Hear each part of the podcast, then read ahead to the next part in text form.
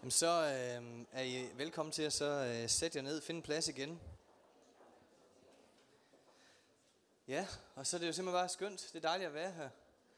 Sammen med øh, sådan en håndfuld af jer. Der er her. og der er der enkelte kendt ansigter rundt omkring af dem, jeg kan se. Det er simpelthen øh, det er dejligt. Og så er der også en øh, hel masse nye ansigter. Det er nærmest endnu, endnu skønnere. Øhm, jeg vil ikke sige en hel masse øh, om mig selv, altså, øh, men jeg kan jo sige, at jeg har gået i den her kirke, og har været øh, rigtig, rigtig glad for det, og øh, kommer også en lille smule ind på nogle af de ting, der er foregået her, som har gjort et indtryk på mig. Men noget af det, som i hvert fald er øh, rigtig smittende, det er jo, at der ud fra det her sted øh, bliver skabt meget liv, og bliver født meget liv. Altså med de kirkeplanninger, der er for øjeblikket, det popper jo op med vineyards, som øh, paddehatte på en våd græsring. Lige for tiden. Synes I ikke det? I har bemærket det. Nogen har bemærket det. Det er jo simpelthen øh, det er jo vidunderligt. Og jeg vil bare sige, at for os eksisterende kirker, så er det altså også noget, der smitter af og, og vækker entusiasme og, øh, og glæde. Så øh, det er en af ting, jeg glæder mig meget over for tiden. Og jeg har tænkt på et øh, slogan. Det er godt med slogans, det er godt med nogle ord, man kan hæfte på en, øh, en situation, en følelse. Det er også meget godt med memes, for dem af jer, der kender memes. Er der nogen, der ved, hvad et meme er? Hånd, du, er, du er på forreste række, når det handler om memes. Det ved, det ved jeg personligt, Flemming. Så det er jo en vidunderlig ting. I har simpelthen så moderne en præst herinde. Og et slogan til venner i Danmark for tiden, det kunne være, øh, og det er selvfølgelig på engelsk, alt foregår på engelsk, især i vores generation og generation X, Y og øh, hvad det ellers hedder, dem I er, mellem 20 og 30, der hedder det sådan her, øh, The Vineyard Coming to a town near you. Hvordan lyder den? Man kan arbejde med den. Man kan tage med tyk, tyk på den. den. Den får du med, øh, Flemming. Du kan tykke lidt på den. Hvad? Der mangler et soon coming to a town near you soon. Det gør det faktisk ikke, Marianne. Det, det, øh...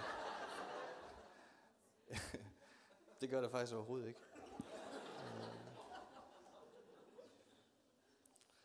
Nu vil jeg gerne komme med en anden sætning. Det er ikke et slogan, men øh, det er bare en, øh, en sætning, som kunne tjene som en lille overskrift, en lille titel for noget af det, jeg kommer ind på i dag, for det er Palme søndag, og, øhm, og på en eller anden måde, så tror jeg, at øh, den her sætning kan være lidt en rød tråd, som, øh, som kan ligesom øh, sømme nogle ting fast. Den kommer til at gentage nogle gange, men da jeg boede i en lille landsby op i øh, Nordland, tæt på en, en, øh, en by, der hed Brøsle, det hedder det hvor jeg kommer fra, det hedder Brøsle. På dansk hedder det Brønderslev. og det, man, der er ingen, der kender den by. Men der er der nogen, der kender en, der hedder Aalborg. Ja, lige nord for Aalborg ligger Brønderslev, 20 minutter derfra, og 15 minutter derfra, der ligger Tylstrup. Og der kommer jeg fra, en lille landsby. Og i min lille lejlighed i landsby, der havde jeg en lille plakat indrammet øh, med en øh, tekst, som jeg synes var fantastisk. Den viser en lille øh, nogle gange irriterende fyr, hår på fødderne, en fyr, der hedder Frodo, fra en film, der hedder Ringnes Herre, og også en bog, der hedder Ringnes Herre. Er der nogen, der kender den? Ja, tag hånden op. Nej, det behøver I ikke. I kender den. Og i den her øh, film, han, han er meget obsessed med sådan en lille ring, og det er ligesom hele hans liv går ud på det, og den her lille ring og så videre. Og så er der en overskrift, der står der, power can be held in the smallest of things. Her har vi lige en seriøs pointe. Power can be held in the smallest of things. Nu vil jeg gerne starte ud med at sige noget helt andet. Jeg vil nemlig gerne give jer øh, en lille smule, øh, jeg tror det hedder biologiundervisning. Og det lyder jo spændende, sådan øh, lummer søndag aften her, men det, vi skal tale en lille smule om æslet. Skal vi prøve at høre her? Æslet, også kaldet tamæslet, er et medlem af hestefamilien, der menes at nedstammende øh, fra den nu stærkt troede afrikanske vildæsel. Og de asiatiske vildæsler, onageren og kiangen, er to andre vilde arter, der er nært beslægtet. I antikken var æslet det dyr, man så mest ned på.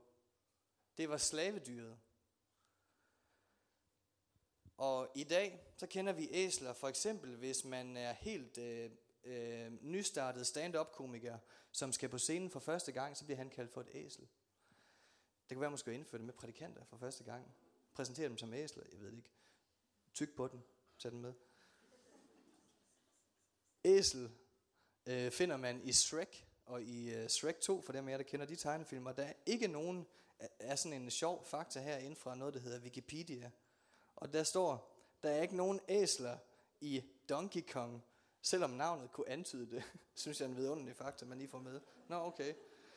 Øhm, æsler, de er ikke heste. Æslet står i litteraturen som modsætning til hesten. Især den store hvide hest, som nærmest har en slags royal status. Og æsler, de er dumme, de lyder dumt.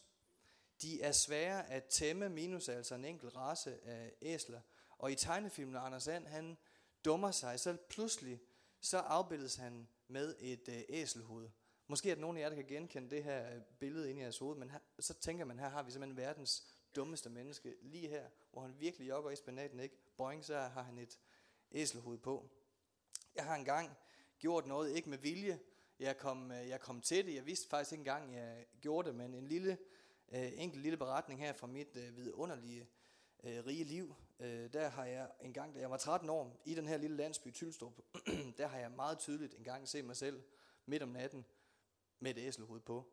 Og jeg var 13 år, og jeg var på en badmintontur i øh, Rønbjerg Feriecenter. Vi boede i nogle små hytter, vi går i øh, seng om aftenen, dødtræt efter en lang dag i vandland og spillede øh, badminton og sådan noget. Og så sov min træner inde i stuen ved siden af, jeg sov i værelset ved siden af sammen med nogle andre øh, drenge. Min træner på det her tidspunkt, han, øh, han var en lille smule lavere end mig. Og det var altså et stykke tid siden. Jeg, jeg er snart, øh, jeg bliver 35, så hvad hedder det? Jeg var 13 på det her tidspunkt, kun lige øh, to centimeter kortere end det er nu. Og han var altså en lille smule lavere, til gengæld var han lidt stor på maven, og en på alle måder en hyggelig fyr, en virkelig sej fyr, en helt enorm bleg og skaldet. Og, øh, og så havde han noget, som jeg ville kalde for tennisknæ. Jeg ved ikke hvorfor, men jeg tænker altid på, at han, det må han have haft. Jeg ved ikke engang, hvad det er, men jeg tror, han havde tennisknæ. Og hvad hedder det? Sådan har jeg beskrivelsen af den her af, meget afslappede mand, som ligger inde ved siden af og sover. Og midt om natten, så vågner jeg op. Øh, problemet er bare, at det ikke er min egen seng. Øh, jeg vågner op inde i stuen, jeg vågner simpelthen op i samme seng som min træner. Øh, og øh, jeg vågner faktisk også under en, en lille fli af hans dyne. Øh, og jeg vågner der, og han sover stadigvæk. Og øh, det er jeg jo heldig med, for jeg tænker, jeg tænker jo med det samme. Jeg, jeg må være gået i søvne, hvad i alverden laver jeg her? Men heldigvis til mit held, så sover han stadigvæk. Så jeg står over for en stor, svær udfordring. Hvordan kommer jeg ind i min seng igen, uden at min træner vågner? Det er jo et godt spørgsmål at stille sig selv der. Og øh, på vej ud af sengen, så har jeg så held med at træde lige præcis der, hvor det knirker allermest. Og så står jeg i en dårlig oplevelse. Det er nødt til at sige, at det var virkelig en dårlig oplevelse. Øh, fordi min træner vågner, og han siger på, øh, på nordjysk, hvad laver du her? Siger han. Og det er jo også et godt spørgsmål. Et begavet, relevant spørgsmål, kan man sige. Øh, og jeg siger til ham, nå, jeg er som bare gået i søvne. Jeg går lige ind i min egen seng igen. Og lige der så jeg mig selv udefra med et stort æselhoved på. Måske har du lignende erfaringer, måske ikke så øh, vilde som den her, men måske har du erfaringer af, der, lige der var jeg et æsel, det skulle jeg aldrig have sagt, det skulle jeg aldrig have gjort. Den første graffiti-tegning, som gør grin med de kristne, se her, og øh, er fra øh, det første, de første, inden for de første to øh, 100 år efter Jesus. Så Jesus ser vi her på korset, men han er afbildet med et æselhoved. Det er øh, en gut, som de egentlig gør grin med, som de har fundet ud af er kristen, og det er deres måde ligesom at mobbe ham på. Tror du virkelig på det her? Hvor dum, hvor naiv har man lov til at være, når man tror på sådan noget nonsens? Sådan har de sagt om en af deres venner og tegnet Jesus her med et æselhoved på. Måske er der noget om det. Er Gud kun de dumme skud? Er Gud de dumme skud? En Gud, tror jeg, uden tvivl, er en Gud for alle os, der er magtesløse. En Gud, som frivilligt lader sig dø på et kors. Hvor dum har man lov at være? Ham, der står forrest i køen af idioter. Dostojevski, en russisk forfatter, har skrevet en bog, en ordentlig koloss af en bog, han kalder for Idioten. På mange måder nogle fantastiske billeder, når man læser personerne hele vejen rundt, der til sammen giver et billede af Jesus selv. Idioten, dåren, den svage, den naive, den magtesløse. Gud er de magtesløses Gud. En Gud for alle os idioter. En Gud, hvis kraft udfoldes i magtesløshed hos alle os, der indrømmer, at vi intet kan i os selv. En Gud, som i sit triumftog mod byernes by, mod kulturens centrum, som konge, ikke udvalgte sig en stor, hvid hest, ikke udvalgte sig en stridsvogn, som han ellers ville have gjort på det her tidspunkt. Han udvalgte sig et æsel. Og i dag har jeg et budskab til dig, som vi snart skal se lidt nærmere på. Det budskab er, du er et æsel. Du er et æsel. Power can be held in the smallest of things. Jeg vil gerne bede en bøn. Så jeg takker dig for, at du også i dag kommer ridende til os. Du kommer som en konge til hver af os her. Og øh, de gode nyheder er tilgængelige for os i aften, ikke igennem noget øh, fint og flot, men de kommer igennem sagtmodig konge, på hvis skulder alverdens magt er lagt. Og du har magt, så du har kraft til at bryde bånd, bryde lænker, bryde bindinger. Du har kraft til at sætte fri. Så Helion, vi inviterer dig til at øh, fagne, omfavne os og sætte os fri i aften. Hold os fast, når vi spjætter og vil løbe væk og vil vores egen vej. Hold os fast her. Hold os fast.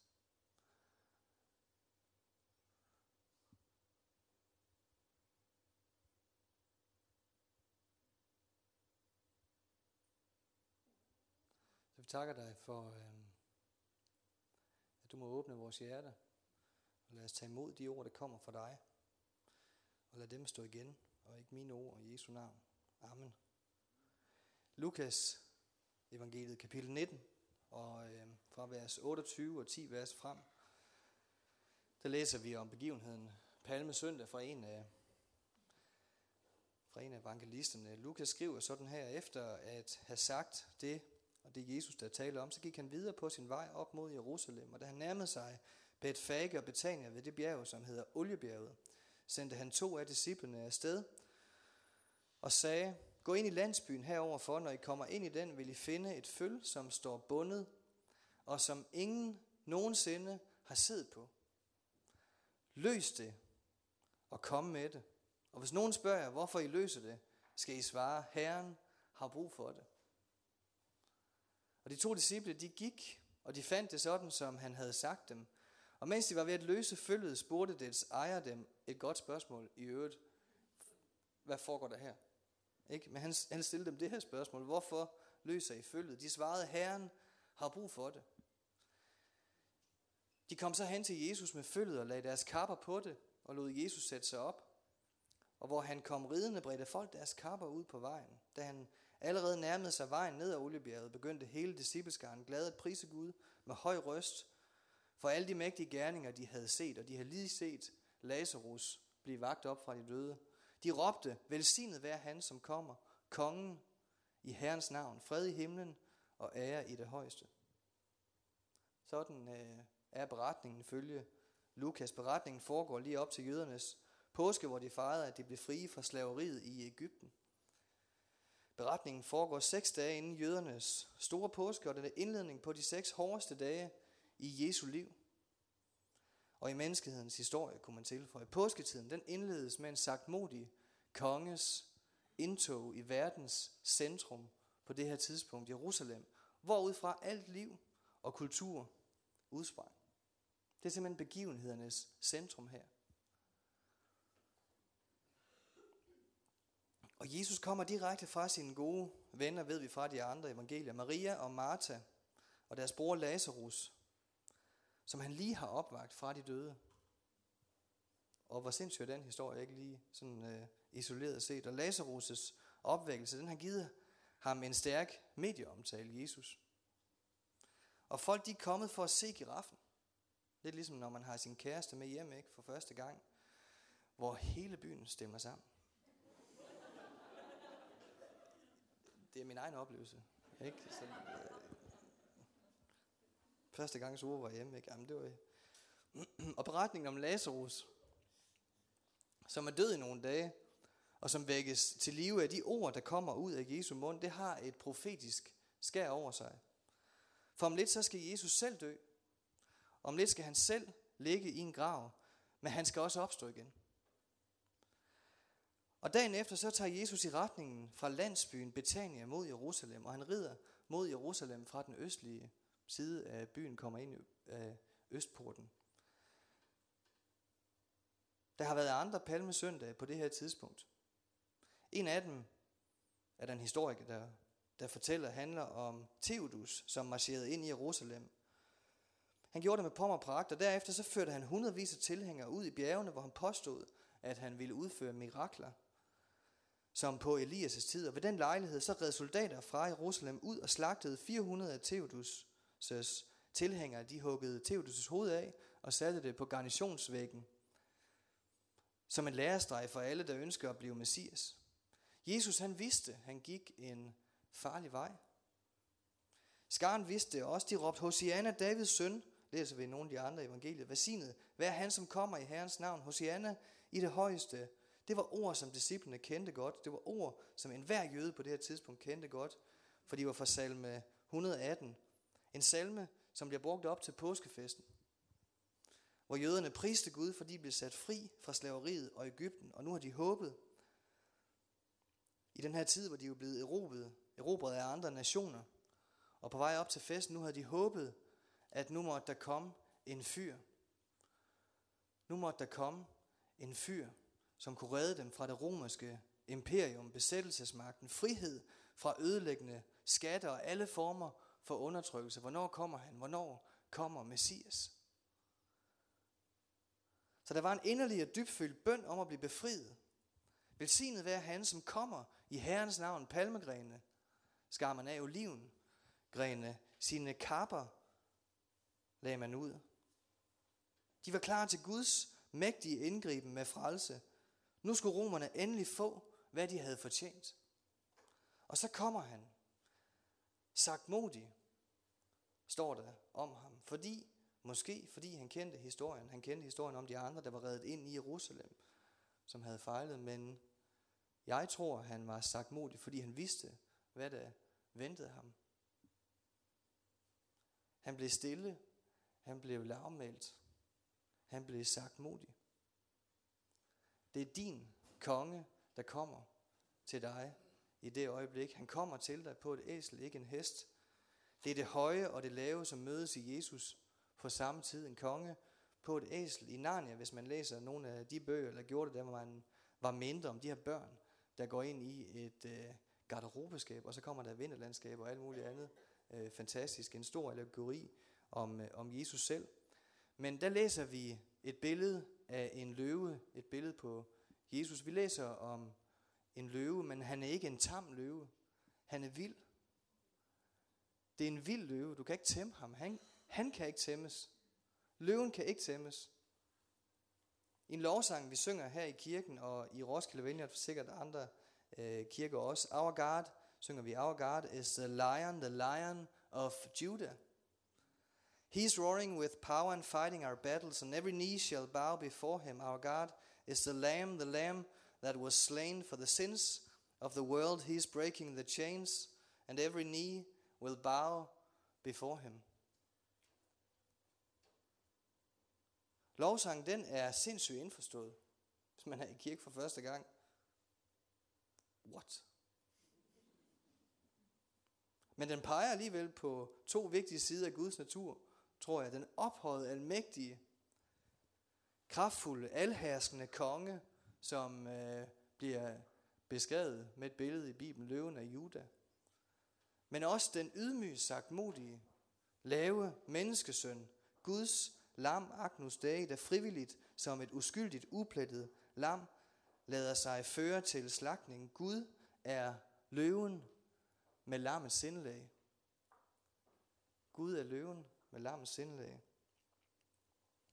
Den ophøjede konge, som i triumftog til lyden af hyldest og sejrsråb fra en begejstret, forventningsfuldt folkemængde kommer ridende til byernes by, Jerusalem, ikke i en stridsvogn, trukket af stærke hvide heste, men siddende, sagt modig, på et æsel. Det er din konge. Power can be held in the smallest of things. Han er kongen, og du er æslet. Nu har jeg fire pointer til dig, som du kan spejle dit liv i. Jesus han siger til sine disciple, to af dem siger han i hvert fald, der siger han det her, løs det, løs æslet. Hvorfor? Jo, fordi Jesus skal bruge det. Det skal bruges. Herren skal bruge det. Lazarus, han blev løst. Er der noget, som binder dig? Hvad binder dig? Skal du løses fra noget? Før Jesus bruger æslet, så beder han om, at det må løses. Hvad skal vi sige til dem, der ejer æslet? Jesus svar, Herren skal bruge det. Gud vil bruge dig. Herren skal bruge dig. Bare nogle dage forinden i Betania, der var Jesus sammen med sine venner Martha og Maria, hvor han gør det her profetiske mirakel. Han rejser Lazarus fra graven, og der siger han til ham, da han kalder ham ud, løs ham og lad ham gå, løs ham. Bliv løst, løs æslet, jeg skal bruge det. Der er mange ting, som kan binde os som mennesker. Det er de dårlige nyheder. Følelsesmæssige bindinger. Sygdomme, vaner, tilbøjeligheder. Noget kan komme til at binde os. Noget kan holde os fastlåste. Noget kan gro så fast i os, at vi ikke evner at se en vej ud af det. Noget kan få magten over os, så vi bliver bundet. Men Gud kan løse dig. Gud kan løse os. Det er de gode nyheder.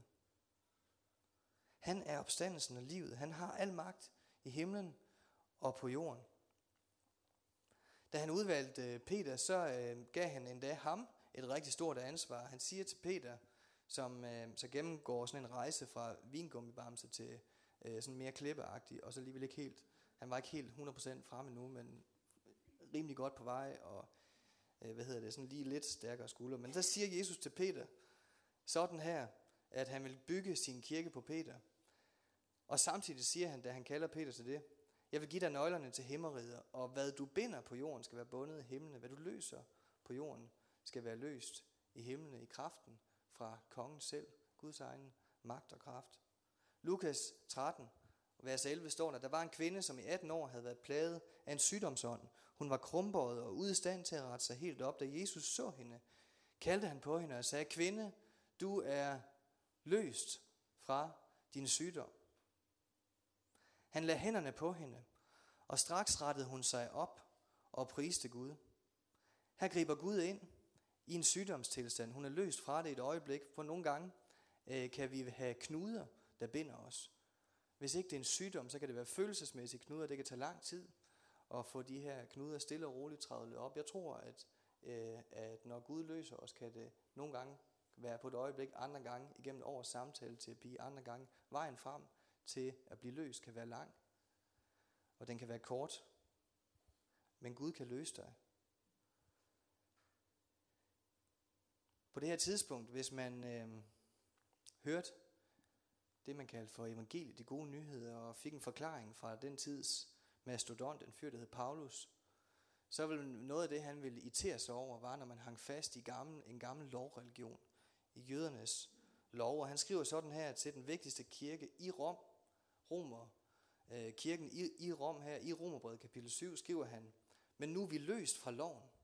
Vi er løst fra alt det der religiøse. Vi er løst fra loven, og vi er døde fra det, vi før var fanget i. Og nu vi tjener i åndens nye liv, og ikke i bogstavens gamle liv. Måske kan der være moderne farisæer også, som har brug for at høre sådan nogle ord. Du er løst fra loven.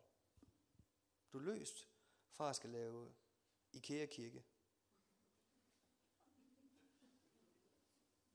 De er altså ikke bæredygtige i længden. Det går i stykker. Bare efter to flytninger.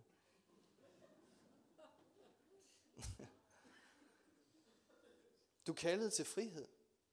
Frihed under ansvar. Hvis du er ny her i kirken, og det er første gang, du hører, at du kan blive fri, så skal du vide, at du kan blive løst til at blive et Guds barn. Du kan blive løst til at blive et Guds barn. Du kan blive løst fra det, som Bibelen kalder synd, det er der rammer ved siden af. Målet, sådan kan man oversætte det, det er at handle i overensstemmelse med øh, Guds tanker for dit liv. Og de dårlige nyheder er, at vi kan være bundet af verdens ting, deriblandt synd. Og de gode nyheder er, at Jesus på korset har båret vores synd. Han tog det på sig, for at du kunne blive løst.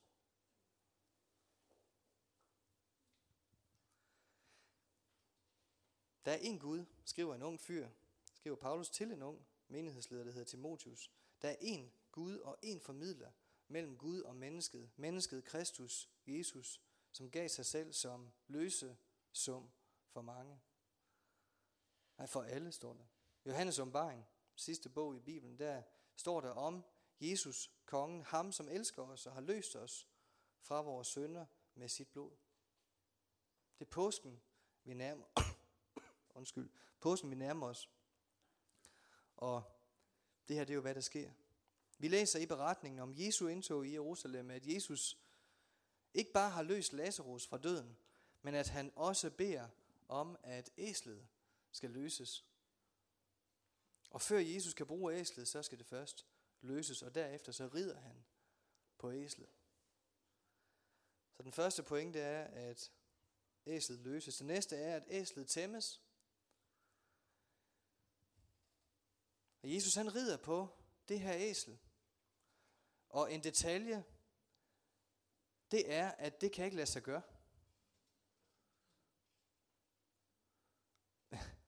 Der står sådan her.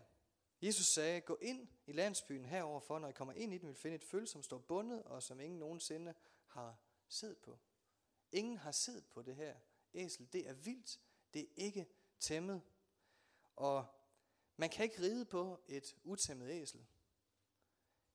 Og måske er der nogen, der gør det i noget, der hedder Jackass, eller sådan, øh, hvad hedder det, øh, sådan et mega moderne øh, ting, der kører for tiden, som er vildt sjovt.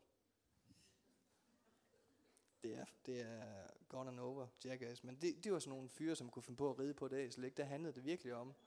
Der handlede det virkelig om at være med æselhoved på. Men vi læser her, at det, der er vildt, det bliver ordnet. Man er rigtig godt dum, hvis man sætter sig op på et ikke tæmmet æsel, men, men det er faktisk tilfældet her, når Jesus han øh, sætter sig op på det. Vi læser noget af det samme, men i en helt anden kontekst, at han er på et skib, en båd, i en sø, hvor det stormer, og så griber skaberen ind, læg dig, bliv stille, læg dig, siger han til stormen, når det bliver stille. Det vilde bliver ordnet, det vilde bliver tæmmet. Æslet forstår måske pludselig, at det er kongen, der tøjler og tæmmer det. Skabningen, skabningen underlægger sig skaberen. Det falder til ro. Æslet falder til ro. Nu kan det faktisk begynde at gå i en retning. Det kan det ikke som vildt, det kan det som tæmmet. Æslet kan kun gå i den retning, som kongen tillader. Det, har, det er det vilde overfor det tæmmede. Og i den allerførste bog i Bibelen, i første Mosebog, der læser vi om to brødre. Den ene hed Jakob, den anden hed Esau. Et vidunderligt navn. Esau. Det var ironisk. Ja.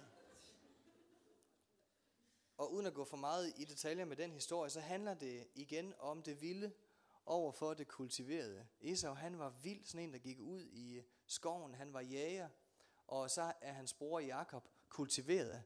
Han boede i telt, for han var et ordentligt menneske, står det.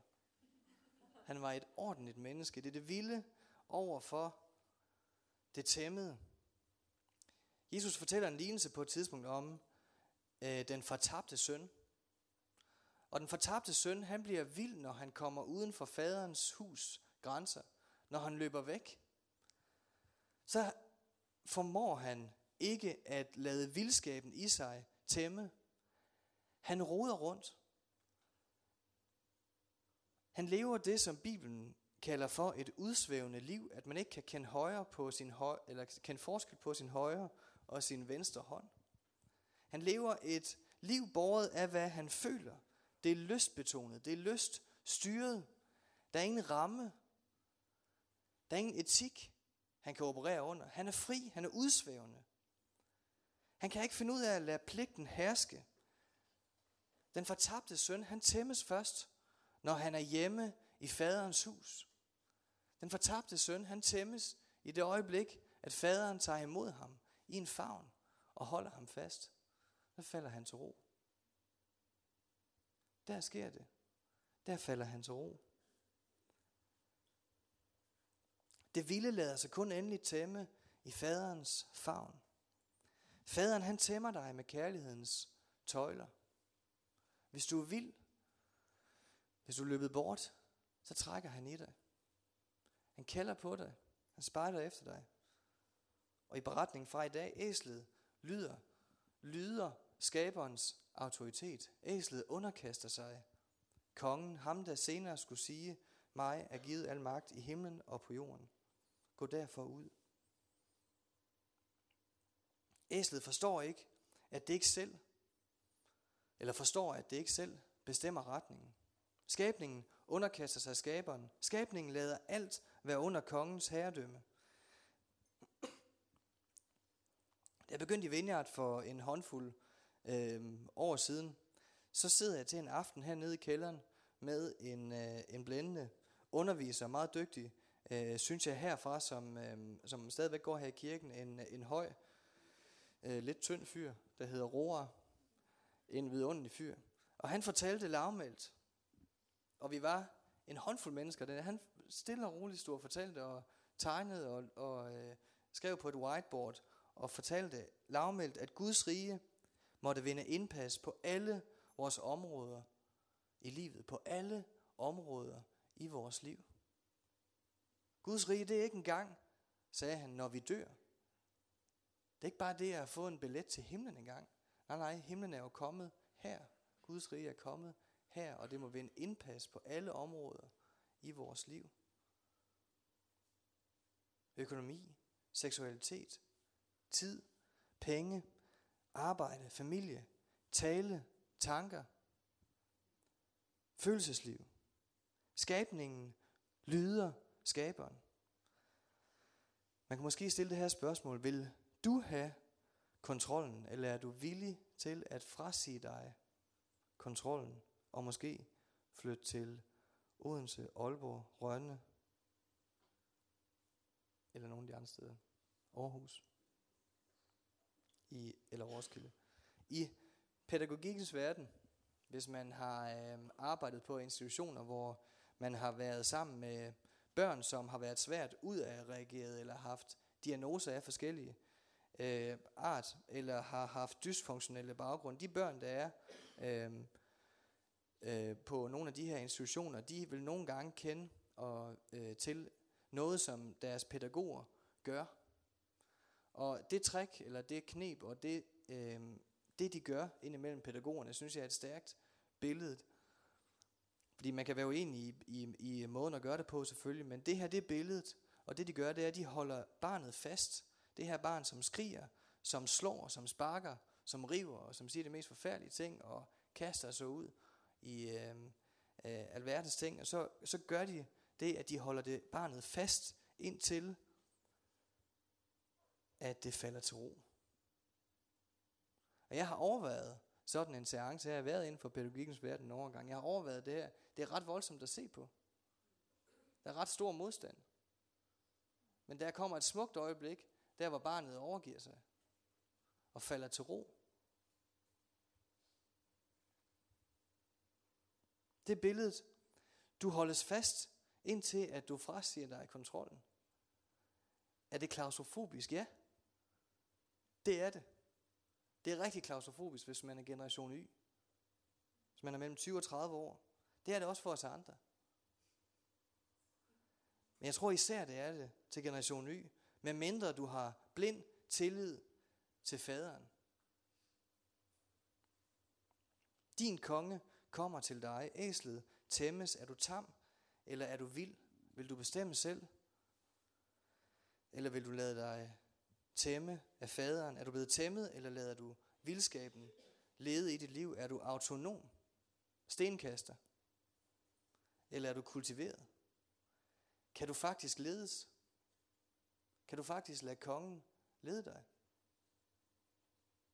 Power can be held in the smallest of things. Æslet bærer kongen frem. Det er den tredje pointe. Gud bruger æsler. Æslets opgave, det er at bære kongen frem. Solvej, min hustru og jeg, vi har sådan et, øh, enten er det katolsk eller ortodox, det har jeg ingen idé om, men vi har det, der hedder, det, der hedder en ikon.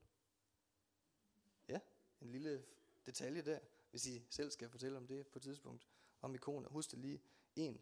Og øh, sådan en ikon, den vi har, øh, hedder, den hedder den hellige familie. Det er ikke fordi, vi bilder os ind, vi er hellige, det er bare, når vi har kigget på det her ikon, så synes vi, at, øh, at det fortæller noget smukt. Eller på den her ikon. Ja, det gamle dansk, det kan man ikke lige høre her. Men øh, øh, det viser øh, Josef på den ene side, og Maria på den anden. Og så holder de Jesus frem som en baby. Han er i forgrunden. Han er det første, som blikket falder på. Når blikket falder på den her ikon, så er det Jesus først. Han kommer til mennesket først. Det er det første, der møder en, og så var jeg, vi har som mål for vores familie, at vi som familie, ikke en hellig familie, men bare som familie, at vi må bære Jesus frem. At han må være i forgrunden. Og ikke os. Han skal bæres frem. John Wimber havde en anden måde at sige det på. Ham, der har grundlagt Vineyard familien i USA engang. Han, han har sagt det sådan her. Jeg er bare lommeuld i hans lomme. Jeg er lommeuld i faderens lomme. Den anden måde at sige, jeg er et æsel. Dit kald, det er at bære kongen frem, men det koster. Og man skal være klar til at få æselhoved på. Man skal være klar til at ofre sit hoved til himlen. Man skal være klar til at blive set på som svag, som en tåbe, som en dårer, en idiot. De første apostle, de kastede sig ud i det. Og ingen af dem fik lov til at beholde livet. De endte som martyr. Hvor dum har man lov at være? Hvor meget smerte kan du tage? Hvor vigtigt er det her budskab om Jesus for dig? Hvor meget vægt kan du bære på dine skuldre? Og jeg tror, at hvis ikke man bare har en lille stum ryggrad, så knækker du. Man kan få ryggrad af at læse, vælge en bog frem for Bibelen, som man læser hver dag. Når man først har læst Bibelen, så læser man den her. Den hedder Stå fast af Svend Brinkmann. Han er en dansk øh, psykolog. Han siger vidunderlige ting. Han siger for eksempel, lad være med at lytte til din mavefornemmelse. Der er bare tarm derinde. Er det ikke frigørende? Han siger, som mennesker, så har vi faktisk øh, pligt. Øhm, lad være med at gå op i følelse. Det er x-faktor, det går bare over igen. Det er ligesom at tisse sin våddragt. Det var man lige i starten. Jeg, siger, jeg kan godt lide Svend Brinkmans tørhed. Der er en fyr i øh, uh, Causeway Coast Vineyard, der hedder Alan Scott, op i uh, Nordjylland. Han siger, øh, når det handler om det at optræne øh, ryggrad, optræne skuldre i den, øh, inden for det åndelige, så siger han, it's not about spiritual fitness. Det, at vi går i kirke om søndagen, det handler ikke om vores, øh, vores daglige discipliner med bøn, bibellæsning og sådan noget. Det handler ikke om at stå foran et spejl og så glæde sig over, hvor fantastisk øh, ens sixpack den er, den er blevet. Hvor det, sådan, det, er ikke, det handler ikke om at pumpe sig op, det handler om, hvor meget vægt man kan bære i forhold til at hjælpe andre. It's about heavyweight. It's about heavyweight. Der er forskel på de to ting. Det ene har retning indad, det andet har udad. At man er sendt, æslet er sendt, det var lige den sidste femte pointe, den har jeg ikke med, den kommer lige nu. Det var, ja. Nu kommer en fjerde pointe. Æslets retning, det var byen. Jesus han kunne have valgt at gå ind i Jerusalem, men han valgte at blive båret. Nogen måtte bære ham, og den retning han var på vej til, Æsels retning, det var byen. Det var Jerusalem. Det var byernes by. Kulturens midtpunkt. Jesus han kom fra en landsby, og retningen, den var byen. Han blev ikke i landsbyen, men han gik til byen. Han kom ind fra øst, og han ramte The City på det her tidspunkt. The City. Begivenhedernes centrum. Æslers retning, det er mod byer. Det er mere byer, end det er landsbyer. Den kristne historie starter i en have, men den slutter i en by. Gå til byen. Hvorfor? Der er flest af mine børn samlet. Af dem, jeg elsker allermest, der hvor de er stuet sammen, og hvor der er flest af dem, det er byer. Derfor, gå til byen. Gå til byen. Præg kulturen. Vind kulturen. I den her kirkefamilie, som vi er en del af, Vineyard, der taler vi meget om Guds rige, at Guds rige brød igennem med Jesus, og at de mirakler, han gjorde, det var tegn på det her rige, at riget allerede er brudt igennem, men det er ikke fuldt ud brudt igennem endnu. Og i den snak, så går det pludselig op for en på et eller andet tidspunkt, jamen alt det her, det handler jo dybest set om, at Gud kalder mig til at gøre Guds rige, når jeg bevæger mig ud af kirken. Når jeg bevæger mig ud af kirken, hvad så? Skal jeg så til Rønne, Odense, Køge, Roskilde, Aarhus eller Dobbeltdag? Det er Aalborg. Og lige der, og det handler ikke kun om det, men det handler også om at udleve Guds rige i praksis. Men lige her, der har du, når du er på vej ud af kirken, der står du over for et point of no return sted i dit liv. Nogle af jer, som er her, I kender det. Når jeg har været i kirken her i tilpas lang tid, nogen har til gode, og så oplever det, men på et eller andet tidspunkt, så vil du opleve, at kongen kommer ikke frem selv. Han har brug for æsler. Han har brug for æsler. Han kalder dig. Han kalder dig ikke kun til at tage dine hænder op om søndagen i kirken, og bagefter gå ud og drikke en DIPA med din højre hånd, den dobbelt IPA, en vidunderlig øl i øvrigt. Han kalder dig til at gå med ham på ryggen mandag til søndag. Det er dit kald. Der hvor du bor, til dine naboer, til dine kollegaer, til din familie, til dem med dysfunktionel baggrund, til den fattige, til den syge, til den med diagnoserne. Og her nytter det ikke noget at være stedig som et i ja, begejstringen flyder ud af det her sted. Og der hvor de fleste, øh, der hvor de fleste mennesker er samlet, dem som Gud elsker højst, det er byen. Byen er vigtig, elsket, den dyrebare for Gud. elsker byen, lad faderens kærlighed flyde over på byen. Start med din nabo. Men gå til byen. Gå til byen. Gå løst. Gå tæmmet. Bærende på en almægtig, sagtmodig konge. Du er et æsel. Det kan være en lille ting, men power can be held in the smallest of things. Lad os rejse os op.